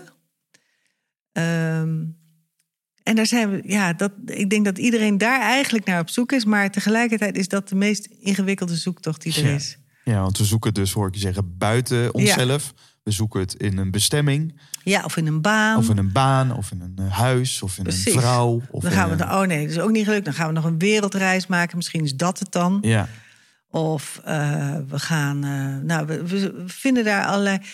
En, en dat is zo paradoxaal, hè? Ik ben mezelf kwijtgeraakt en ik ga zoeken op plekken waar ik nog Ja. nooit ben geweest. precies. ja. En wie kom je er tegen? Jezelf. Ja. Ja. Ja, in sommige gevallen wel, ja. Ik, zie ook, wel- ik zag ook wel eh, wederom, eh, toevallig dan eh, India... ik zag ook wel heel veel gefrustreerde mensen voorbij komen... die al zes maanden aan het zoeken waren... Oh, en, en het gevoel hadden er nog niet waren. En dan Oh dat je wel denkt van ja, st- stop eens met hollen. Je, precies. je bent dus wel nog... Je bent in India, ja? Ja, Ja. ja. Hoe lang geleden was je daar? Dat is volgens mij 2018 geweest. Oké. Ja. Oh, Inge- is vrij recent. Nog vrijgezend, ja. Inge- Ingegeven door werk. Maar toen dacht ik, nou, als ik dan toch voor werk er naartoe mag... dan plakken we daar ook wel wat weken aan vast om... eh, nou, gewoon zelf daar... eh, ik ben naar Goa gegaan. Mooi, ja. Mooie, mooie Ja. plek. En zo. Je struikelt over de yoga retretes en Ja, zo. ja. Ja. Ja. Dat is een bijzondere ervaring. Ja. ja. Ja. Ja. Ehm, mooi, Mieke. Ik, ik, ik realiseer mij ook, ook ge- gezien de tijd dat. Ik, ik, ik, eh, even een voorstel, eh, dat bedenk ik hier ter plekke. Want eh, er is eigenlijk nog één element wat ik heel graag wil aanstippen in dit gesprek. Maar dan, dan gaan we iets overslaan, wat ik eigenlijk jammer vind. En dat zijn de archetypes. Mhm. Maar ik zat hard op te denken, misschien kunnen we daar een korte bonusaflevering van maken. Dat, dan, dan trekken we het een beetje uit elkaar. En dan als de luisteraar dit luistert, nou, dan weet dat dan een weekje later komt kort nog een, een onderdeel dat, dat gaat over de archetypes. Leuk, ja. dat als een, als een idee? Hartstikke leuk. Dan ja. overladen we de luisteraar nu niet eh, Met nog meer. met, met nog meer informatie. Ja. Eh, want dan vind ik het misschien wel mooi om eh, als laatste ook het, het laatste onderdeel van jouw boek aan te stippen. En dat heet Van Lot naar Plan. Plot. Plot, sorry, van, anders schijnt het ook niet. Van Ja. lot naar plot. Maak van je lot een plot. Maak ja. van je lot een plot. Make from your mess your success, hoor je ook wel eens. Hè? Ja, ja. Eh, eh, nou ja, dan is dus de vraag, oké, wij omarmen dat wat komt. Ja. Daar hebben we geen invloed op. Wij realiseren nu, die reis is niet gefocust op een doel. Niet gefocust op een... Ja, want we weten toch, want dat suggereert dat het leven maakbaar is. Het leven is niet maakbaar. Nee, zeker niet. En als we naar verhalen kijken, schept dat soms wel die illusie. Want dan kijk ik zo'n romantische film en dan, weet je, dan kom je dan iemand tegen en dan alles is doordrenkt met betekenis. En dan dat, een, dat ene oogcontact, weet je wel. En je denkt, oh, en dan, maar dan ook een vrouw die op een gegeven moment niet meer weet. En dan weggaat en zegt, ik wil je niet. En eh, ga uit mijn leven. En dan, en, dan, en, dan, en, dan, en dan die man die dan de volgende dag het vliegtuig pakt. En dan voor eeuwig weg is. En dan, en dan thuis wordt ze ineens, schrikt ze wakker. En ze heeft een inzicht. En ze, ze sprint naar het vliegveld toe. Waar, waar de man al door de gate loopt. En dan, oh, weet je wel. Dan, oh, komt het toch bij elkaar. Welke, welke film is dit? Nou, geen idee, maar ik zie het helemaal voor me. Weet je wel, de gemiddelde romantische... Ja, eh, ja, Of, of romantic romantisch, comedy, ja. Ja, precies. Dus, dus we, we kennen allemaal dit soort films. En, en dan, oh, en ze komen toch bij elkaar. En they live happily Ja. ever after. Ja, precies. Nou, en in mijn leven... Ik wou wachten bij die gate. Nou, er kwam helemaal niemand. We hadden toch gewoon in een vliegtuig gestapt naar huis. Kijk nog om me heen, maar nee. Hoor. help, jongens. Ja, ik vertrek nu. Dus dat, weet je, dat is vaak wat ons dan zo teleurstelt. Dat we die series zien en dat we helemaal, oh, helemaal geïnspireerd raken. En ja, en het echte leven is gewoon weer barst, barstiger dan dat. Ja, ja, ja. Eh, maar ja, dat is natuurlijk wel. We, maar we willen af en toe een glimpje van die heelheid. En dat is wel mooi van mooie verhalen. Dat je denkt, oh ja, het is even gelukt. Ik, eventjes heb ik een idee van heelheid ervaren. En daarom moeten we vaak aan het einde van een film ook een beetje huilen. Ja. Of krijgen we kippenvel. Of we heel diep eh, zuchten. En denken, oh, wat mooi. En dat is, en dat is goed voor de ziel, zeg maar. Oké. Want eh, je, dan, dat herinnert je aan het feit dat het, dat, dat ook iets is ja, waar, we, waar we ons op af moeten blijven stemmen. Op, op dat gevoel van vervulling. Ja. Dus, eh, en als het niet goed afloopt, de tragedies, waarin de hoofdpersoon bloedend op het toneel ligt, eh, eh, eh, ook daarvan kun je zeggen: Oh, wat verschrikkelijk. Wat heeft hij? Hij heeft precies op het cruciale moment een foute beslissing genomen. Ik ga dat nooit zo doen. Weet je wel? Dat is de, dus de, de, de, het effect van of het nou een tragedie is of een romantic comedy of een, of een drama waarin ehm, de hoofdpersoon heel duidelijk is veranderd aan het eind van de, van de rit en, en zegt: Ik ga het helemaal anders doen.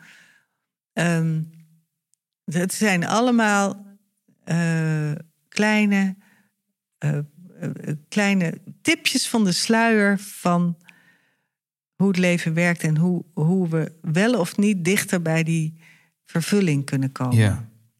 Dus ik vind, het, ik vind het belangrijk dat we verhalen vertellen, delen, ehm, eh, eh, kijken, films, boeken lezen, waarin al die, die schakeringen voorbij komen. Ik heb een kleinzoon van drie Mhm. en die lees ik nu in, in dit stadium heel veel voor. En hij is helemaal gefascineerd ook door spoken en eh, monsters. Oké. Ehm, en dus hij is al zich heel erg bewust van gevaar en angst en, en, en, en, en monsters. En tegelijkertijd is het dan zo belangrijk, want hij, want je moet op de een of andere manier de sleutel naar dat, naar dat rijk, eh, naar dat, eh, zeg maar, dat schimmige rijk waar, de, waar inderdaad de angsten en de monsters en de spoken en de heksen en, de, en, en het, het, donkere bos, zal ik maar zeggen. Daar moet je wel een sleutel voor krijgen. Om daar een beetje rond te kijken en je ertoe te verhouden. Want als je die deur dicht houdt, dan kan het zomaar paf in je gezicht eh, ineens eh, opdoemen. Dus daarom zijn verhalen zo belangrijk. Kinderen leren zich al een beetje te verhouden tot hun angsten. En leren ook, oh, het kan goed aflopen. Oh, eh, we, gaan er, we gaan er op een bepaalde manier mee om. We, we, we kunnen vrienden worden met de, de draak of de beer. Ja. Ja. Want dat beschrijf jij ook. Nu de, de vrienden worden met de beer of dansen met de draak. Ehm, wat betekent dat? Dus, dus hoe, hoe kan, kan ik met al die dingen die dan op ons afkomen, de monsters, de, de draken. eh, je zegt de, de verhalen geven je dus een soort sleutel om, om je alvast te laven aan, aan die omgeving. Troost voor de ziel in sommige gevallen. Ja, en soms ook een verhouden dus tot, het, tot dat wat je eigenlijk niet wil zien. Ja. Ja, en omdat we ons dus als vanzelf identificeren met die persoon in de film. Ja, Ehm, en dan nog steeds hè, hoor ik ook weer de kritische kant in me opkomen. Daar waar, dat vind ik nu zo bijzonder, dat in, dit, in, in de feministische stroming en de gelijkheid. Jij beschreef al heel mooi, eigenlijk maakt een vrouw een andere reis door dan de man. Daar waar de man staat voor masculiniteit en moed en heldhaftigheid en strijd. die moet misschien wel de weg naar binnen. En de vrouw moet de weg naar buiten. Ja, en wat je, wat je, maar wat je ziet is nu dat, dat er heel veel films zijn waarin eens de vrouw eh, de hoofdrolspeler is, terwijl dat door, doorgaans de man was.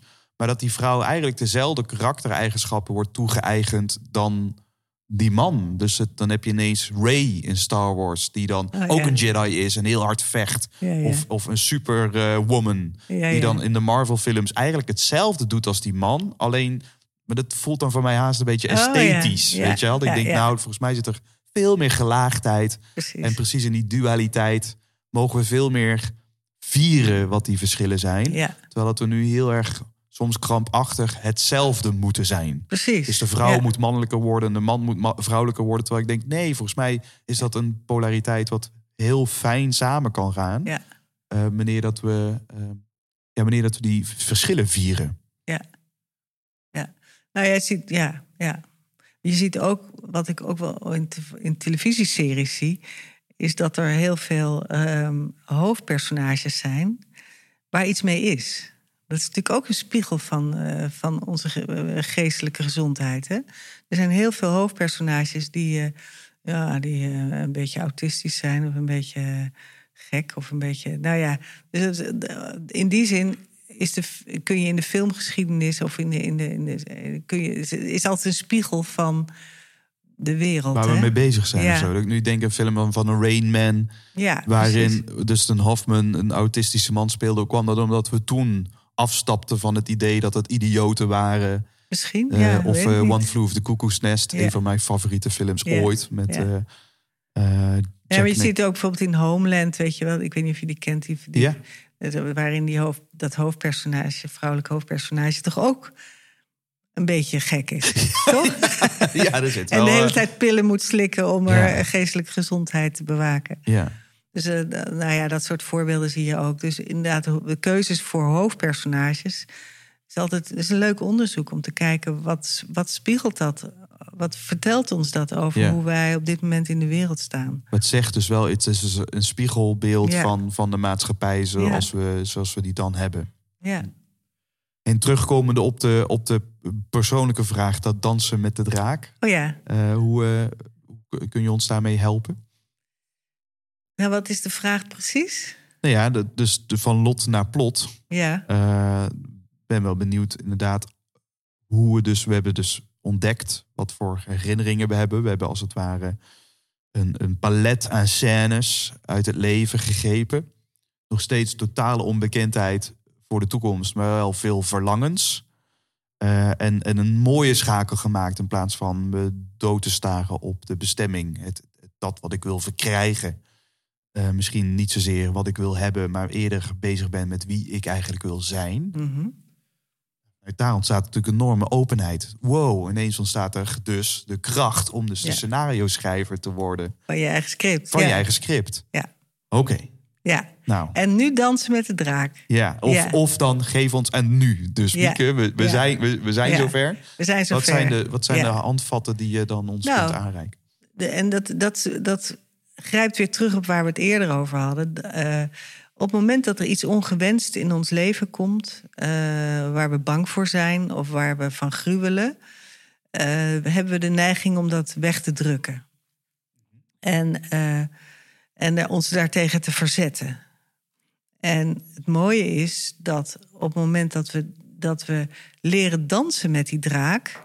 Want wij, in onze westerse mythologie is het heel erg gebruikelijk om die drakendodende held op te voeren. Hè? Dus de, Ja. de strijder die eh, met een. eh, Kill de draak. kill de draak. En dan de prinses uit de toren. Precies. Dat is, Van het- mij. Dat is zeg maar zo'n zo'n heel eh stereotyp westerse mythe.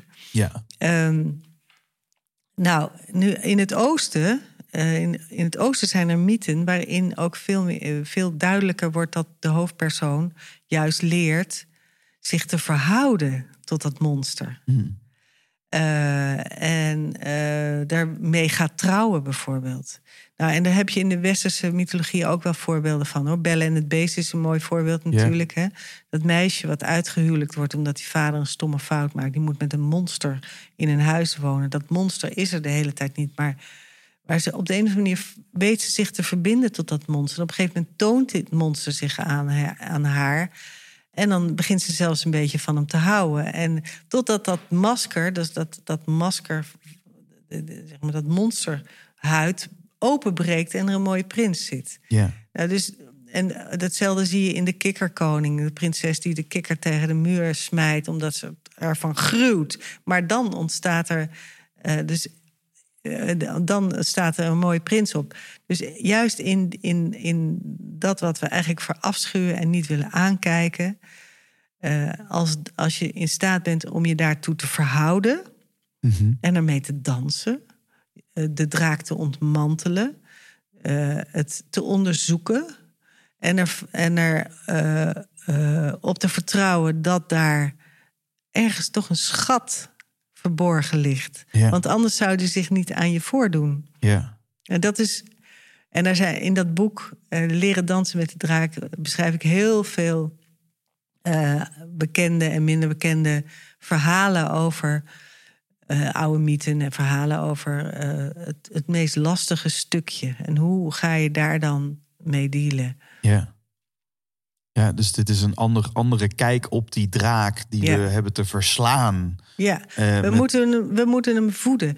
Eh, En dat, dat hoor je ook, hè. crush the fear. ja, Crush the fear. En, en eh, dat is misschien een mooi verschil tussen de vier stapjes naar becoming a millionaire. precies. En ja, en het is zo gemakkelijk om crypto. Moet je maar nou kijken Ja. met mijn wagen. Weet je. Iedere keer als ik YouTube aanzet, word ik weer allemaal ver, verleid tot, eh tot, gouden bergen. ja, Eh, eh, niet, niet dat ik dat crypto fout of, of goed is. Weet je? Dat, dat- is, dat is ook maar gewoon een, een, een ontwikkeling die er is. Alleen er zijn gewoon mensen die daar ja, ook weer vernuftig andere mensen weten te ontlokken om vooral geld te investeren in het individu en niet in crypto. Ehm, maar dat is natuurlijk waar we heel erg in willen trappen. Want dat is natuurlijk het sprookje wat we graag doen geloven. Crush the fear and everything's possible. And say yes. Ah, je maakbaarheid. ja, ja. Ehm, ja, en dan ga ik wel heel gefrustreerd. Totdat je, totdat je erachter komt dat je ge- ge- genaaid bent. eh, en dan, moet je, dan zit je wel even in de puree. Ja, En dan moet je dus iets aankijken Ja. in jezelf. Dat is het vaak. Hè? Het is vaak iets ook aankijken de in draak jezelf. zit misschien in De- onszelf. Tuurlijk, de draak zit helemaal. Het is een, alles is, en dat is wat ik ook van Campbell heel erg altijd leer. Alles is een projectie. Ja. Dus alles wat je tegenkomt in je omgeving, iedereen die je ontmoet, eh, ja, dat, dat is een projectie. Dus je ziet ook dingen niet die je niet wil zien. Dat is ook gek. Je kent het wel met die gorilla over dat volleybalveld. Hè? Ja, Ja. ja. De, de bias die we hebben. Dus, Ja. dus dit, en het, het ga- het gaat weer. eh, Dat we moeten veronderstellen. Dat schrijf ik in, in mijn boek ook uitvoerig over. Dat we alsjeblieft. Veronderstel nou dat we geen rationele wezens zijn. Terwijl dat we zeker in een professionele context. we dat nog steeds soort van aannemen. Ja. Een soort van: ik vertel dit één keer en dan gaat iemand dat wel doen. Of Ja. hè, ik heb toch een PowerPoint gemaakt en er staat toch een visie Staat op. toch op? Ja, dit zijn de drie stappies. En mensen Ja. doen gaan verstrekt iets anders. Ja, Ja. nogal wie dus. Ja. Want we zijn totaal irrationele, emotionele wezens. Ja. Eh, en zolang we dat niet, niet erkennen of accepteren... lopen we natuurlijk voortdurend tegen de muur aan. Precies. Ja. In de communicatie tot de ander. Ja. En als je daar dan tegenaan loopt, dan, is het, dan kun je twee dingen doen. Tegen de muur gaan schoppen en, en, eh, en, en, en eh, woedend zijn op het lot. Ja, Of dansen met de draak. Dat betekent in jezelf keren en zeggen: wat, wat heeft ertoe geleid dat ik nu tegen deze muur ben aangelopen? Dus dat betekent zelfonderzoek. In plaats van tegen het lot inbeuken. Vanuit verontwaardiging zeggen: jongens, het is onrechtvaardig dat dit mij nu is overkomen. Nee, eh, daar, daar schiet je geen bal mee op. ja. ja. Wat kunnen professionals, leiders, beïnvloeders... ehm, leren van de wereld van theater? Theater en verhalen. Ja? Ja. Ehm, kunnen ze ervan leren? Ja. Het, het, eh, dat het leven een spel is. Homo ludens? en eh, dat je de spelregels wel moet leren kennen. Ja. En die spelregels die, die worden niet altijd goed uitgelegd. Ik heb wel eens het idee dat we misschien ooit, eh, misschien toen we heel klein waren of nog in de, in de baarmoeder zaten, dat we misschien nog wisten hoe die spelregels ongeveer gingen, maar die raken we kwijt en die moeten we dan weer opnieuw zien te ontdekken. Hmm. En eh, ja, leiders. Ehm, het, het, het is denk ik heel belangrijk dat ook leiders, ja, of leiders, eh, sowieso mensen die met mensen werken, ehm, eh, hun eigen verhaal kennen. En ook bereid zijn om te kijken van waar, tegen welke muur loop ik op, welk onderzoek dien ik te doen. Eh, welke manschappen moet ik overboord gooien om in de Odyssee te blijven? Ja. Waar, zit mijn, waar zit mijn ego in de weg? Waar, en waar kan ik dienst verlenen? Want ik denk dat het vaak eh, ontspoord is. Dat we zeggen van, we, ja, ik ben nu manager geworden... of ik, ben nu, ik, ik, heb, ik ambieer een nieuwe positie.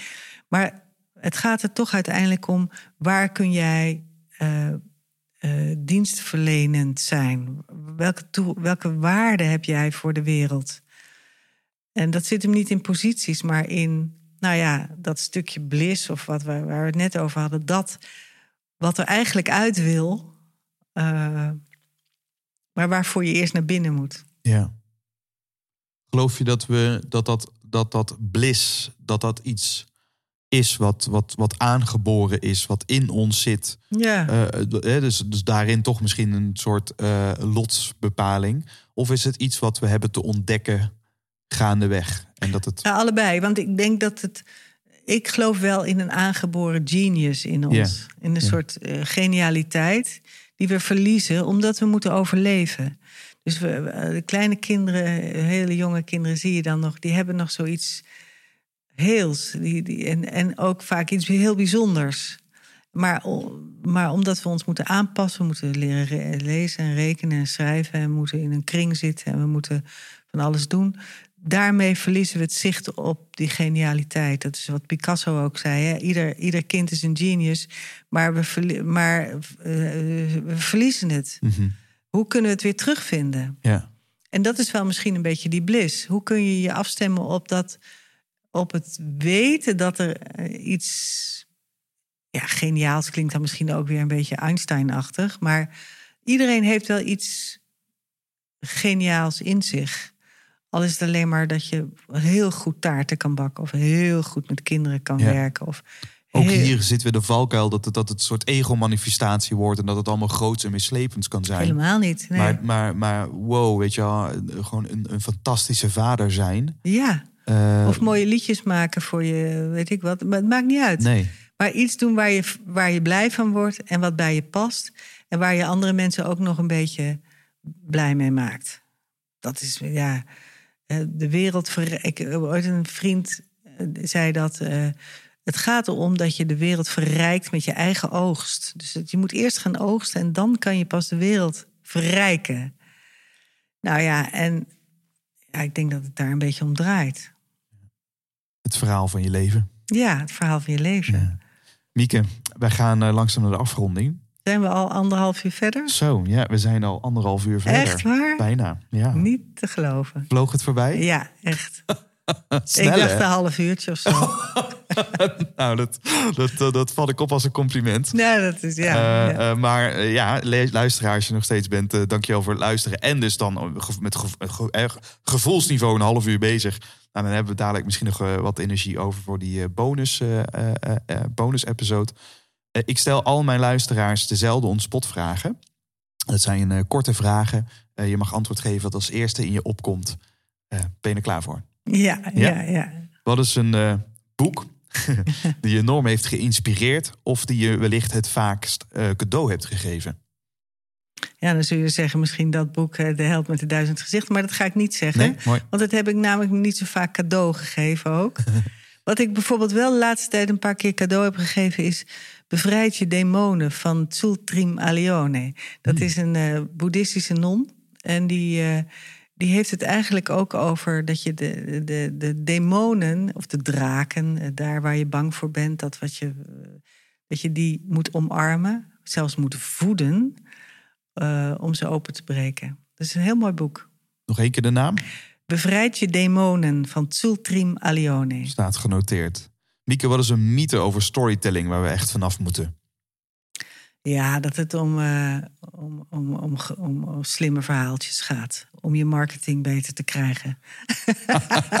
Storytelling louter gebruiken als marketing tool. Ja, Ja. dat het. Fact style op het story cell. Ja, zoiets. Daar, daar koop ik niks voor. Letterlijk. Leuk. Eh, Mieke, je mag een uithangbord plaatsen waar miljoenen mensen langskomen. Wat zou jij op dat uithangbord zetten? Nou, dat weet je wel, denk ik, hè? Maak van je lot een plot. Kijk, Staat genoteerd.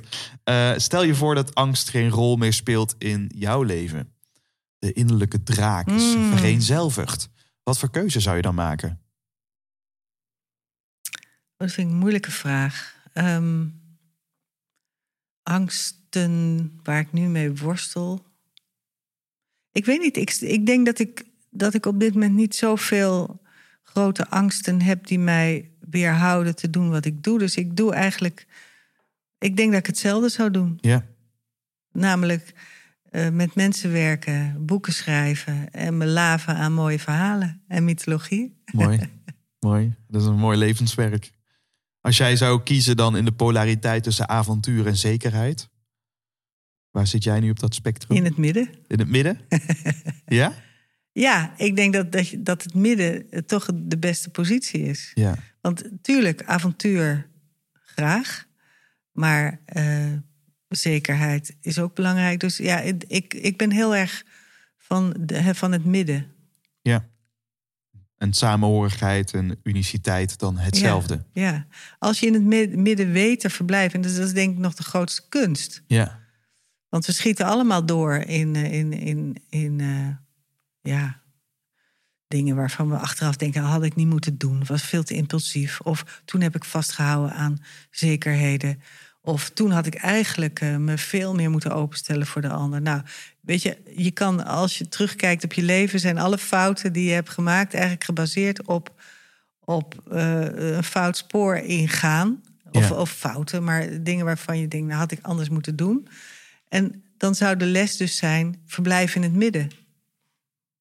Ja.